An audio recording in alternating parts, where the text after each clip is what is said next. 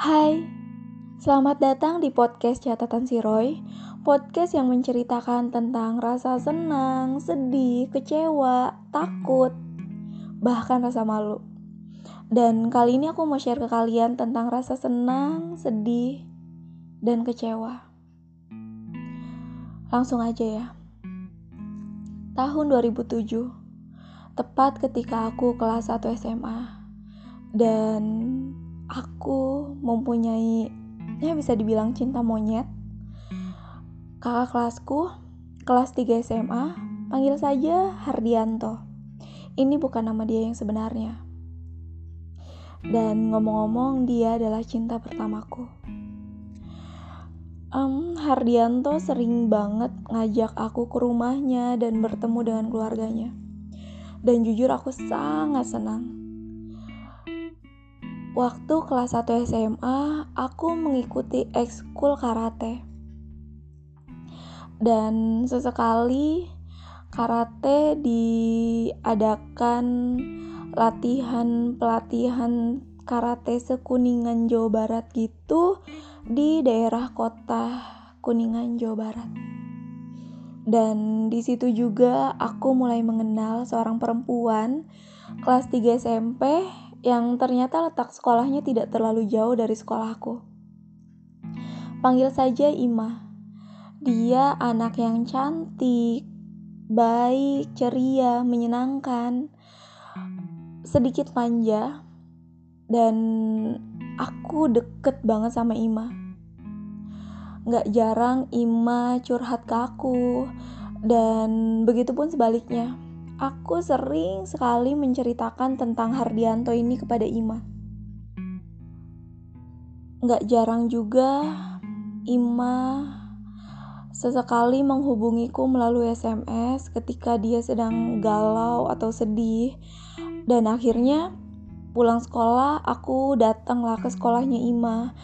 Aku menyempatkan waktu untuk mendengarkan Ima curhat di sekolah dan aku tuh udah sama Ima tuh udah nggak bisa dipisahkan. Kami tuh sangat-sangat dekat. Sampai suatu saat aku mulai jarang ikut karate karena aku mulai disibukkan dengan sekolah dengan tugas-tugas sekolah yang lumayan tertinggal. Dan naiklah aku ke kelas 2 karena aku bukan seorang OSIS, jadi aku tidak ikut untuk mengospek anak-anak baru. Hari pertama masuk sekolah sebagai kelas 2 SMA dan Hardianto lulus sekolah, dia kuliah di Cirebon. Jadi kita LDR dan sesekali ketika Hardianto libur dia akan pulang ke rumahnya di Kuningan dan biasanya setiap hari Minggu dia akan menjemputku untuk main di rumahnya. Hari pertama aku kelas 2 SMA. Ketika itu banyak sekali teman-temanku yang bertanya, Roy, lu udah putus ya sama Hardianto? Terus aku jawab, enggak, aku baik-baik saja dengan Hardianto aku nggak putus sama dia. Emang kenapa? Terus uh, teman-temanku ini ceritalah kalau selama ospek anak baru Hardianto sering sekali ke sekolah. Bahkan pada saat itu dia ikut mengospek anak baru Hardianto sering mengantar jemput anak baru dan dengar-dengar sih anak baru ini cantik. Terus aku masih berpikir positif. Karena ya aku percaya Hardianto tidak mungkin seperti itu. Um, temenku bercerita, nggak mungkin lah Hardianto ngantar jemput saudaranya karena mereka terlihat bukan seperti saudara, tapi terlihat seperti pasangan. Akhirnya aku mulai penasaran Ya, aku mulai penasaran seperti apa sih perempuan ini. Perempuan yang dikabarkan, kata teman-temanku, itu adalah selingkuhannya Hardianto. Akhirnya diantarlah aku sama teman-temanku. Ditunjuklah seorang anak perempuan kelas 1 SMA, adik kelasku. Dan yang paling tidak bisa aku percaya adalah ternyata dia Ima. Aku kaget. Kenapa Ima ada di sekolahku? Dan aku pun baru tahu kalau ternyata Ima sekolah di sekolahanku. Aku masih berusaha untuk menutup telinga dan menutup mata. Karena jujur aku belum bisa menerima. Masa sih Ima pacaran dengan Hardianto. Ima yang selama ini sering banget menjadi teman teman ataupun tempat curhat aku, tempat aku berkeluh kesah menceritakan tentang Hardianto. Aku masih belum bisa menerima dan mempercayai itu. Tapi aku pun tidak berusaha untuk bertanya kepada Ima. Karena balik lagi, aku percaya Ima tidak mungkin seperti itu. Bahkan aku pun tidak percaya Hardianto tega menyakiti aku. Karena Hardianto ini cinta pertamaku. Dan aku yakin dia adalah orang baik. Sampai suatu hari di minggu pagi, seperti biasa, Hardianto menjemputku ke rumah. Dia mengajakku ke rumahnya, bertemu dengan keluarganya, dan menghabiskan waktu bersama sama keluarganya, adiknya, dan dia nonton TV, makan, ngobrol, sampai di suatu sore handphone Hardianto berdering dan Hardianto langsung memberiku kode untuk tidak bersuara. Tidak bersuara. Aku menganggukkan kepala sebagai tanda, oke okay, aku tidak akan bersuara. Karena aku pikir mungkin saja Hardianto mendapatkan telepon penting, entah itu dari dosennya, dari saudaranya, atau mungkin dari temannya yang membahas tugas kuliah. Haryanto nelpon lumayan lama dan aku melihat dia terlihat seperti bercanda dan tertawa. Tapi ya sudahlah. Selesai Hardianto telepon, aku sempat bertanya, siapa sih yang telepon? Hardianto bilang, itu temannya. Terus aku bertanya lagi, yakin teman? Dia hmm, meyakinkan aku kalau itu memang temannya yang menelpon dan sedang membahas tugas kuliah. Tapi aku tahu, aku tahu kapan Hardianto sedang berkata jujur dan kapan juga Hardianto sedang berbohong. Ya, aku langsung ambil handphone Hardianto. Aku lihat panggilan masuk, namanya memang laki-laki nama kontak itu laki-laki. Tapi ketika aku melihat nomornya, aku ingat sekali, benar-benar ingat. Itu adalah nomor Ima. Karena aku sering banget mengirim pesan dan berbalas pesan dengan Ima, jadi aku hafal nomornya Ima. Aku bertanya kepada Hardianto, berharap mendapatkan penjelasan yang yang mampu aku terima tapi tapi Hardian tuh tetep tetep aja dia dia berusaha untuk menutupi sesuatu. Terus akhirnya aku menghubungi nomor tersebut menggunakan ha, menggunakan handphonenya Hardianto. Karena aku tidak puas dengan penjelasannya Hardianto aku tidak puas dengan penjelasannya dia. Ketika aku telepon dan kata yang aku dapatkan ketika telepon itu diangkat adalah Iya sayang, kenapa? Kamu udah kangen sama aku? Kan barusan tadi kita habis telepon. Di situ aku sedikit sedikit tidak percaya. Rasanya seperti tersambar petir di siang hari. Karena itu adalah suaranya Ima.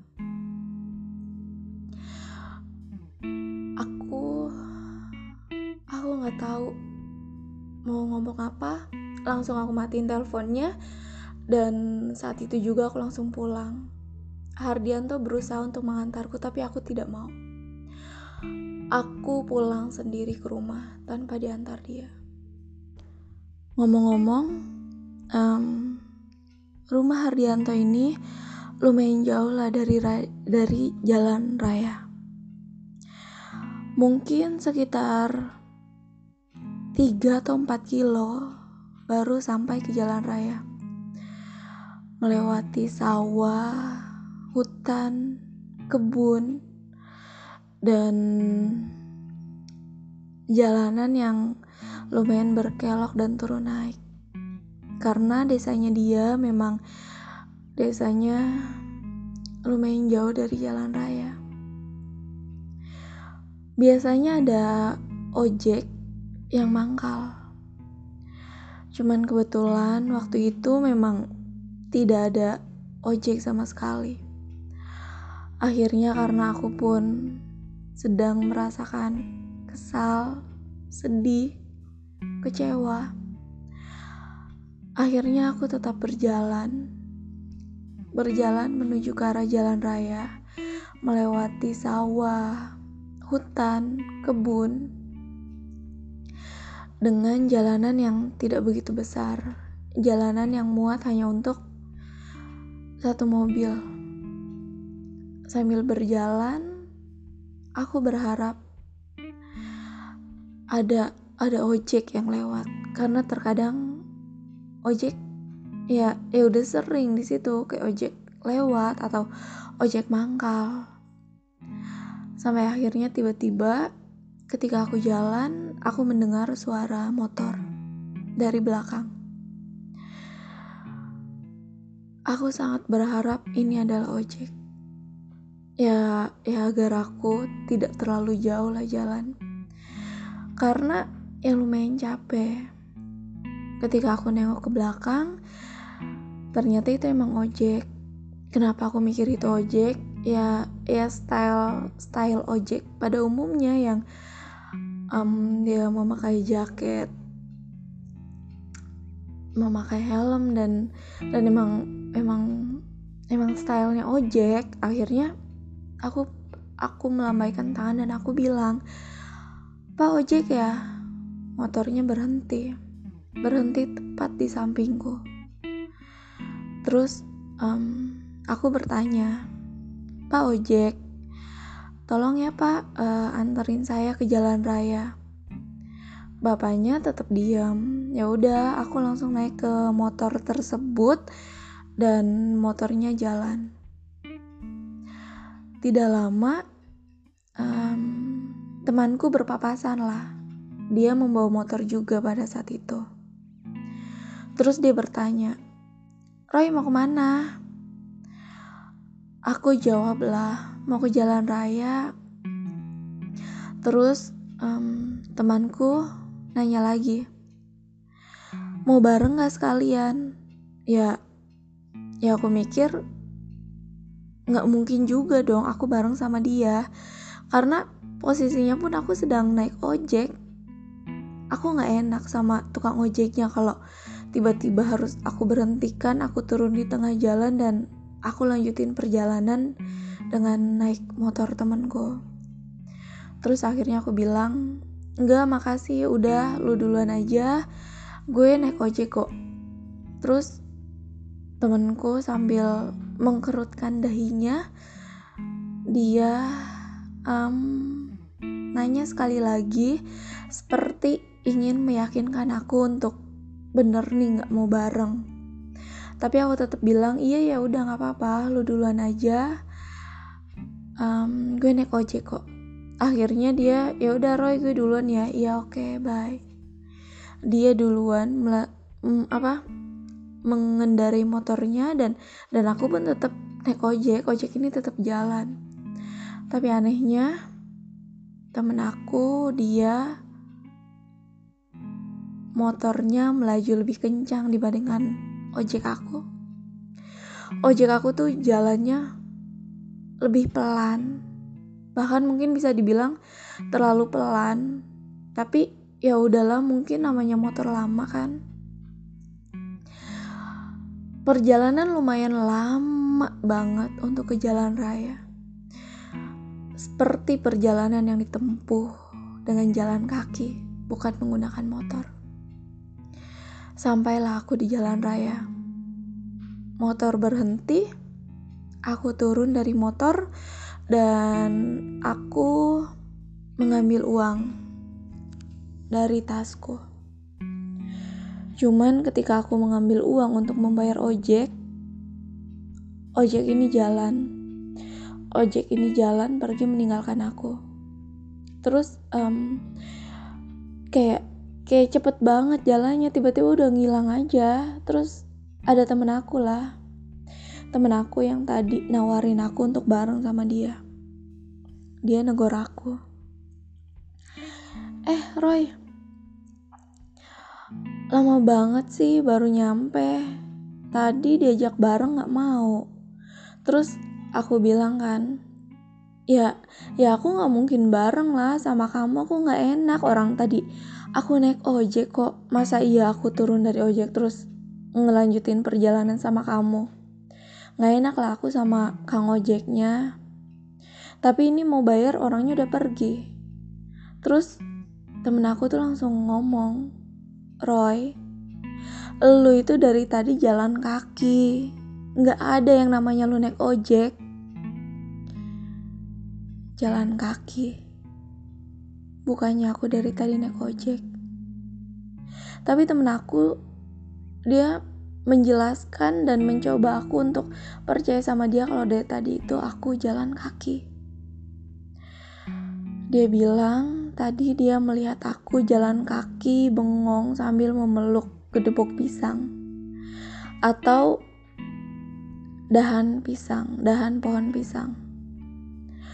Aku masih nggak percaya sama omongan dia. Terus dia nunjuk ke arah samping aku. Dia bilang itu dahan pisang yang dari tadi kamu bawa loh Roy sepanjang jalan. Ya oke, okay, memang aku melihat ada dahan pohon pisang di samping aku. Tapi dari tadi itu, sumpah demi apa pun, aku tuh naik ojek, aku nggak jalan kaki sambil meluk dahan pisang. Terus temen aku nyuruh aku untuk bertanya kepada adalah beberapa pemuda yang sedang nongkrong gak jauh dari situ. Suruh nanya kalau mereka tadi ngeliat aku naik ojek atau aku memeluk dahan pisang. Terus ketika aku bertanya kepada beberapa pemuda yang sedang nongkrong ini, mereka juga bilang kalau tadi tuh aku nggak naik ojek. Mereka bilang melihat aku jalan sambil memeluk batang pohon pisang. Aku nggak tahu, jujur aku nggak ngerti. Tapi memang um, jalanan dari rumah Hardianto ke jalan raya itu kan aku bilang sepi, banyak sawah, banyak hutan, banyak kebun dan dan perjalanannya itu lumayan panjang dan tidak ada perumahan warga saking jauhnya. Karena desanya itu kayak di tengah-tengah sawah gitu. Dan memang pernah ada beberapa kejadian begal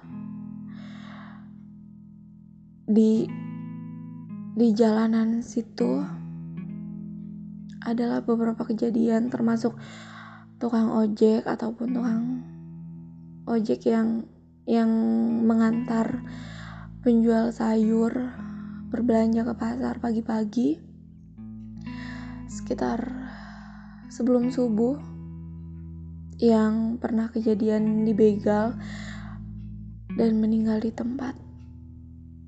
Motor dan barang-barang berharganya diambil.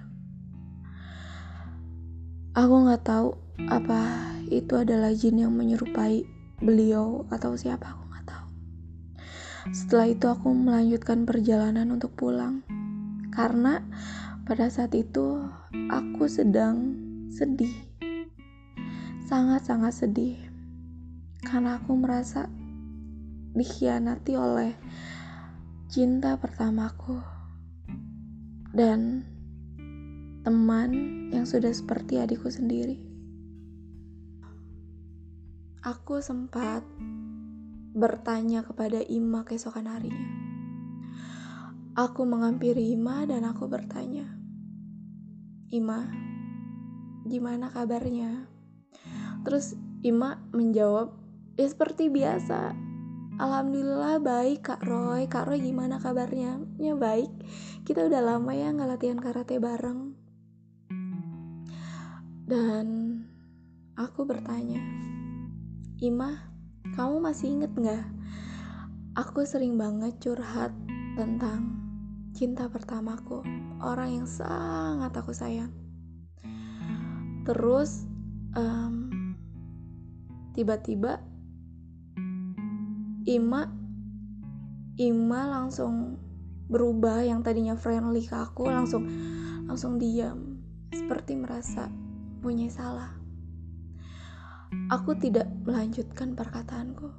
Aku cuma pergi meninggalkan Ima. Karena dengan ekspresinya Ima, aku sudah mendapat jawaban tanpa harus mendengarkan penjelasan dia. Semenjak itu, hubunganku dengan Ima sudah tidak seperti dulu lagi. Ima mulai menjaga jarak denganku. Um, apa yang menurut kita sepele, belum tentu orang lain anggap itu sepele. Begitu juga sebaliknya. Sekali kita melukai perasaan orang, mungkin kita akan dimaafkan. Tapi belum tentu keadaannya akan kembali seperti sedia kala. Sebenarnya mencari musuh itu gampang, tapi mencari sahabat itu yang susah. Jadi pesanku, jagalah persahabatan. Jangan sampai perasaan dari orang yang selalu ada buat kita, yang selalu bikin kita tertawa, tempat kita cerita, berkeluh kesah, itu terluka gara-gara ucapan atau perilaku kita sendiri. Dan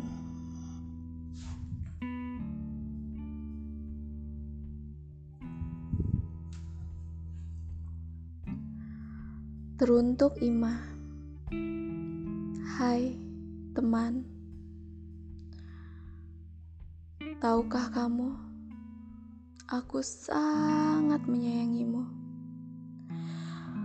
Bahkan kamu sudah seperti adikku sendiri kamu adalah satu-satunya orang yang aku percaya untuk sekedar berkeluh kesah tentang orang yang kucinta. Hai, teman. Kenapa kamu tega menghancurkan semua itu? Merubah tawaku menjadi tangis. Merubah rasaku menjadi kecewa. Jujur, aku sedih. Bukan karena kehilangan cinta. Tapi tapi karena aku tahu kamu bangga merebutnya dariku. Hai, teman, maafkan aku. Maafkan aku yang begitu membencimu.